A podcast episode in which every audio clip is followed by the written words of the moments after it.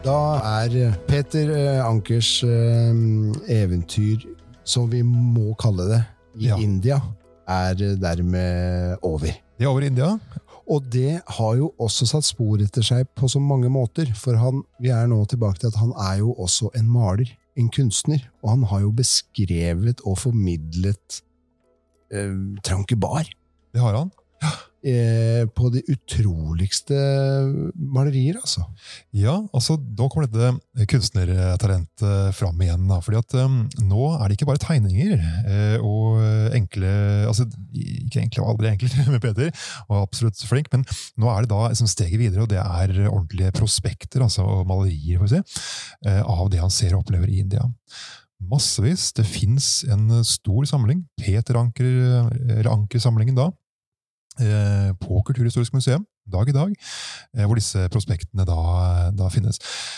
Fordi at eh, Peter var jo en eh, opplysningsmann, slik jeg ser ham. Han, han ønsket å dokumentere, ønsket å, å beskrive, eh, og bruke sitt talent eh, for alt det er verdt. Og maler eh, altså gamle eh, ruiner, eh, han maler pagoder og, og livet i trank bar og, og omegn.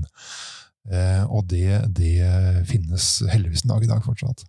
Mm. Er det sånn at uh, samtiden da i uh, Danmark-Norge uh, lærte mye av hans beskrivelser? Vi eh, får tro det, at de har sett det, og at de har eh, lært en del av det. Eh, Det er jo blitt hentet fram, eh, eller blitt beskrevet, men det har dessverre blitt litt glemt også i ettertiden. Men så i samtiden, eh, i hvilken grad det har eh, liksom blitt sett, eh, hvor mange som har sett det, det er usikkert. Men vi får tro at eh, en del av, eh, av de i myndighetene i København har nok eh, helt klart sett det. Så, ehm, og det, han, blir jo rost også, fra disse tegningene blant annet i, i, ehm, i England. Så, så ja, de har nok lært noe. Jeg vet han, han sendte vel hjem noen tegninger eh, til sin bror eh, Karsten i, i noe brev og sånn, så illustrerte han ofte, og der Ja. kom det jo veldig, var veldig flott eh, rost. Det var det. Uh, Han eh, roses jo uh, veldig for disse Ja. tegningene. Og det her er jo liksom et talent. Han må reise rundt med det, sier jo broren Karsten. ikke sant? Og, og får inntrykk av at Peter egentlig ikke syns det er noe sånn særlig å tenke på. Han, han, han, jeg tror ikke han betrakter seg selv som en maler, som sagt. han gjorde ikke det? Uh, Jeg vet ikke, men jeg tror egentlig ikke det. Han ville dokumentere, og han var glad i kulturen. Han var glad i, altså indisk kultur. Han, han likte å, å beskrive det, og syntes det var veldig, veldig spennende, og samlet på indiske kuriositeter og slik man tok med hjem. Det, det er så interessant det der tiden hans uh, i, uh, i Trankebar. Jeg tenker, var han statsmann, eller var han forretningsmann, eller var han kunstner? Hva var han, hva kan man si, hva, hva var han? Jeg tror Peter var litt av alle delene, egentlig. Han var, eh, han var den eh, store eventyreren i familien. Det er kanskje det beste ordet her. Ja, det er kanskje det beste ordet. Eh, Den store eventyreren som da eh, ønsket å, å, å oppleve og ønsket å, å bli noe også. Da. Han, altså han, var, han var Han, Han ble var- jo noe. Ja, han ble noe, absolutt. Det er ganske svære saker det han ble, som kanskje ikke har blitt kommunisert så bra i ettertid. Ja, altså Nå, nå har jo på en måte broren Karsten uh, blitt mer kjent. Det har vel noe med bygningen og Ikke 1814 å gjøre. Ja. Og Peter, som jeg ser det, burde absolutt mer fram i lyset. Mm. Og eh, vi skal gå enda mer eh, grundig til verks på uh, Tranke Bar og tiden der, og mm. kunstneren i, hans, uh, i han, uh, senere. Men det vi kan gjøre, vi kan begynne å avslutte reisen til Peter, for han kommer til Norge igjen, som du sier. Ja. Da er det fortsatt litt lurvete her med noen napoleonskriger og hvilken side vi har vært på, og, og nå skjer det ting. Nå skjer det ting. Eh, Han kom jo tilbake midt oppi, um, altså egentlig rett før da, eh, dette slaget ved København, altså da bombardementet av København i 1807, 9. september. Han kom tilbake litt før dette her, så vidt jeg kan se. Men, men da er jo plutselig Norge eh, og Danmark eh, dratt inn i napoleonskrigene eh, for alvor. Eh, Og det er jo England og Sverige som blir våre fiender. Og det er en blokade langs kysten av engelske skiper, blant annet. Men så Peter han um, gjør ikke så veldig mye ut av seg. Han, han kom hjem for å dø.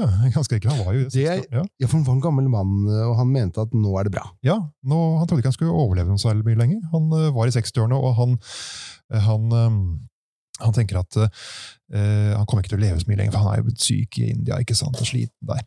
Så han uh, trodde ikke at det skulle vare så lenge, men det skulle faktisk bli 25 år til. 25 år, du. Om ikke disse 18 eh, årene i Trankebar var, eh, var lenge, så 25 år til etter han trodde at nå skulle det ikke bli noe mer. Men, men han, ikke, han hadde jo ikke med seg noe penger hjem, han hadde jo eiendelene sine. Han gikk null, mer eller mindre. Han fikk Ja. en slags pensjon. da, etter hvert. Han, fikk, han levde ikke så aller verst, det må sies. Han, jo, eh, han fikk en pensjon, og, eh, men han hadde jo mistet en del penger. Han gikk ja, jobbet seg opp masse gjeld i, eh, i India. Man levde jo over evne der også. ja, så- som alltid. Som det er og bør. Og så slo ikke helt denne tanke, eller denne mm, forsøket på å tjene noen ekstra penger på handelen der eh, til heller. Så han kom hjem, han, han gikk liksom inn han fikk slettet en del av den gjelden allikevel. Eh, men så tar han inn da på Han har jo ikke noe sted å være, har ikke noe eget sted. Kun egen herregård og slike ting. Så han tar inn hos uh, sin fetter Peder på Bogstadgodset. En mann han hadde et godt forhold til, Ja, absolutt. Han korresponderte mye med han også. Eh, og Peder han uh, lar ham eh, leie denne gården, eh, forpakte den gården eh, Øraker, som nå er eh, borte. Men Øraker som lå under Bogstadgodset. Så der bor han, eh, fram til han dør eh, egentlig med et lite opphold hos broren Karsten på Eidsvoll. Og eh, apropos eh, Karsten da, og, eh, og Eidsvoll. Man hører jo om Karsten Anker, Eidsvollbygningen, grunnlov, 17. mai og hipp hurra osv. Ja. Peter Anker hadde jo også fingre inne her. Det hadde han, absolutt. Han var der. Han, etter det vi vet, så bodde han da eh, hos Karsten på Eidsvoll en kort stund. Eh, og det var da blant annet i året 1814, så vidt vi kan, eh, kan eh, antyde. I den ene paviljongen utenfor bygningen så bodde da broren Peter, og da var han delaktig i dette notabelmøtet, eller stormannsmøtet, den 16. februar året 1814, som la på mange måter grunnlaget for den arbeidet med Grunnloven senere. Der var Peter med, og var ikke veldig Sa ikke mye under, under møtet, men han, han var med. Men der kom det fram en politisk uenighet mellom ham selv og, og Karsten, broren. Nemlig. Ikke sant? Og der kommer kanskje fram hans uh, kjærlighet for eh, England igjen. Da, da. Veldig. Helt klart. Eh, Det var jo slik at eh, mange tenkte at eh, altså Det var jo orienteringen eh, mot England som var viktig for disse forretningsmennene. Eh, Hos eh, fetter Peder og Peder Ankers eh, svigersønn Herman Wedel Jarlsberg så var det da denne eh, vi kaller for unionspartilinjen, som da ønsket en eh, oppmykning mot eh, England. Eh, altså Kongen av Danmark hadde valgt Napoleon og Frankrike som, eh, som sin, eh, sin alliert. Det hadde gått veldig gærent. Eh, og vi var blitt dit hen til eh, Sverige. Eh, kravet fra, eh, fra da eh, mange Karsten Anker var jo med på den siden etter altså Christian Fredrik var jo da selvstendighetslinjen, med den danske prinsen Christian Fredrik som eh, konge. Eh, det var ikke denne, kan si, blir kalt for svenskepartiet, da, denne linjen. Eh, i gåseøynene da. De var ikke helt enige i dette her. Altså Peder Anker, Herman Weld Jarlsberg eh, med flere. De mente at nettopp da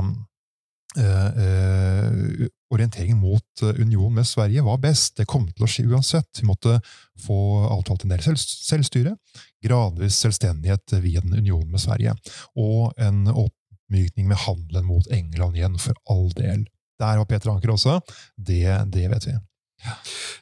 For eh, det her går jo som historien som vi kjenner. 1814 eh, får vi jo en grunnlov, Det gjør vi. og eh, før eh, det her Og så drar det jo Blir det da Karsten og Peter sendt til England for å prøve å snakke Norges sak? Ja, For å, at det her skal bli stående. For svenskene er jo veldig imot dette her, og det er jo ikke lenge før det bryter ut krig inn i juli. Ikke sant?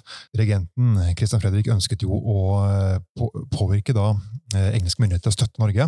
Eh, helt klart, Så han sender jo ut eh, Karsten eh, som diplomat, eh, og hans bror Peter eh, for da også påvirke England i norsk eh, favør. Eh, så det her er da, altså det sto og falt på England mye. Hvis de støttet Norge, så kunne de kanskje unngå en union med, med Sverige. Men da er Peter en gammel mann. Ja, han er jo da eh, ca. 70. Ja. Ja, han er jo 70 år. Eh, Nesten fylt 70, og det er jo da en aldrende mann for tiden. Hvor helhjertet går han inn for det, tror du? Ikke mye. Nei, han gjør ikke det. Han er ikke helhjertet inne i saken. Dette her, Litt sånn hvordan han sto også politisk, men allikevel, han hadde ikke selv tro på saken. Eh, at det kom til å gå. Eh, og han er sliten, han er lei. Han, eh, men ja, pliktoppfyllende. Han vil prøve å benytte sine eh, erfaringer og kontakter med England til å kunne gjøre denne tjenesten. Karsten ble arrestert, han. Han ble arrestert. Han ble satt i, Men ikke Peter. Ikke Peter. Nei, han reiser fort hjem igjen. Eh, Hvorfor Peter ikke ble arrestert, eh, sånn, det vet vi ikke, men det var Karsten ble satt i fengsel. Et påskudd antagelig for ikke da ha ham eh, inn i bildet, mens England av- avgjorde hva de skulle gjøre med, med Norge.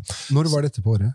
Det var da uh, utover året, altså Jeg er ikke sikker på når Karsten blir arrestert, men han sitter i hvert fall der til året etter. Han kommer ikke hjem før eh, 1815. Karsten, altså. Peter han kommer ganske raskt hjem igjen, eh, antagelig mot sommeren. Um, altså før, um, før denne krigen med, med Sverige bryter ut. Han kommer, eller kanskje enda tidligere. Han kommer ganske raskt hjem igjen. Han har ikke noe tro på saken. Uh, og det er jo da Jacob Aall, en av Eidsvolls mennene, som da skal ha eh, sett ham, møtt ham, eh, på veien da han reiser ut mot England. Eh, og da har jeg sagt at han skjønte at Peter ikke var veldig innstilt på denne saken. Altså. Men han reiser likevel. Ja. Mm. Så er det Han er da en gammel mann. Han er straks 70 år gammel. Mm. Og han har mye tid igjen. Han har mye tid igjen. Det visste han ikke. Han trodde han skulle dø, ja. selvfølgelig, mye før, men han har en del tid igjen. Hva gjør han alle disse årene? For da blir han sett på som oldingen på Øraker, har jeg sett Ja. Han flytter jo da etter hvert tilbake til denne gården Øraker, etter å ha kommet litt i konflikt med broren. da. Ja, for dem er jo ikke helt på talefot etterpå. Nei, altså de, de er nok det, men likevel, det, var liksom litt sånn uenigheter, og det er nok medvirkende at Peter faktisk flytter tilbake til Øraker. Han likte seg godt hos fetter Peder, um, så han ble sett på som oldingen på Øraker, og olding det er jo en hedersbetegnelse, for å si altså han var jo en gammel mann. ja, Ja, en hedersbetegnelse i samtiden. Eh, så det var noe positivt å si. Det var jo em, Han levde jo litt sånn det var, Han var omgitt av indisk kuriosa og ja. malerier og alt. Han har omgitt av sine, sin samling, eh, indiske kuriositeter, en samling gudefigurer fra middelalderen som ble gitt ham i India, blant annet. Eh, og han ble nok også sett på som litt av en indisk kuriositet til slutt, kan vi Han si. selv òg, ja. Han selv også. Ja. Han var jo en litt snodig skikkelse. Eh, Gammel, eh, høy, tynn eh, mann. Han reiste rundt nede i Kristiania. Han, ble, han brukte ofte sånn der, eh, så parasoll, litt sånn der indisk eh, For å skjule seg mot solen, ikke sant? Ja. vaner opparbeidet i India. Men han var å treffe ofte i lystig lag oppe hos fetter Peder på Bogstad. Fram til sin død, egentlig. altså. Som da er i 1832. Og han gifter seg aldri. Ingen etterkommere. Nei. Han gifter seg ikke, det, men allikevel så var det en, en spesiell kvinne i eh, Peter Ankers liv. Det er slik at han traff noen underveis i, eh, i England. Eh, En engelsk eh, adelsfrøken. En, en, altså ikke bare en frøken, men en frue. Hun var jo da enke. Eh, En Mrs. Mallard. Og denne damen må ha betydd mye for, for da Peter. Hun var etter sigende da datter av hertugen av Somerset. Hun var da enke. De må ha hatt et godt forhold, fordi at hun blir med ham til India Mm. med sin lille sønn, som er eh, ja, under ti år, tror jeg, og blir med til, Engl eh, til India. Eh, men der dør både hun og sønnen etter svært kort tid, 1790-91, der omkring. Tror du dette her egentlig var kvinnen hans liv? Det tror jeg, helt klart. Og grunnen til at jeg tror det, er at han, eh, han skriver om henne i testamentet sitt. Han eh, oppretter et eh, gravminne der nede i Trankebar. Senere, et, når han kommer tilbake til Norge, på gården Øraker, et, en kopi av dette minnet, en såkalt eh, kronotafion, en sånn eh, gravminne hvor det ikke ligger noen, eh, over henne. Men ikke bare det. Han eh, skriver i testamentet at han gjerne vil ha et bestemt rødt silketørkle, silketørkle liggende over ansiktet når han da eh, skal i kisten.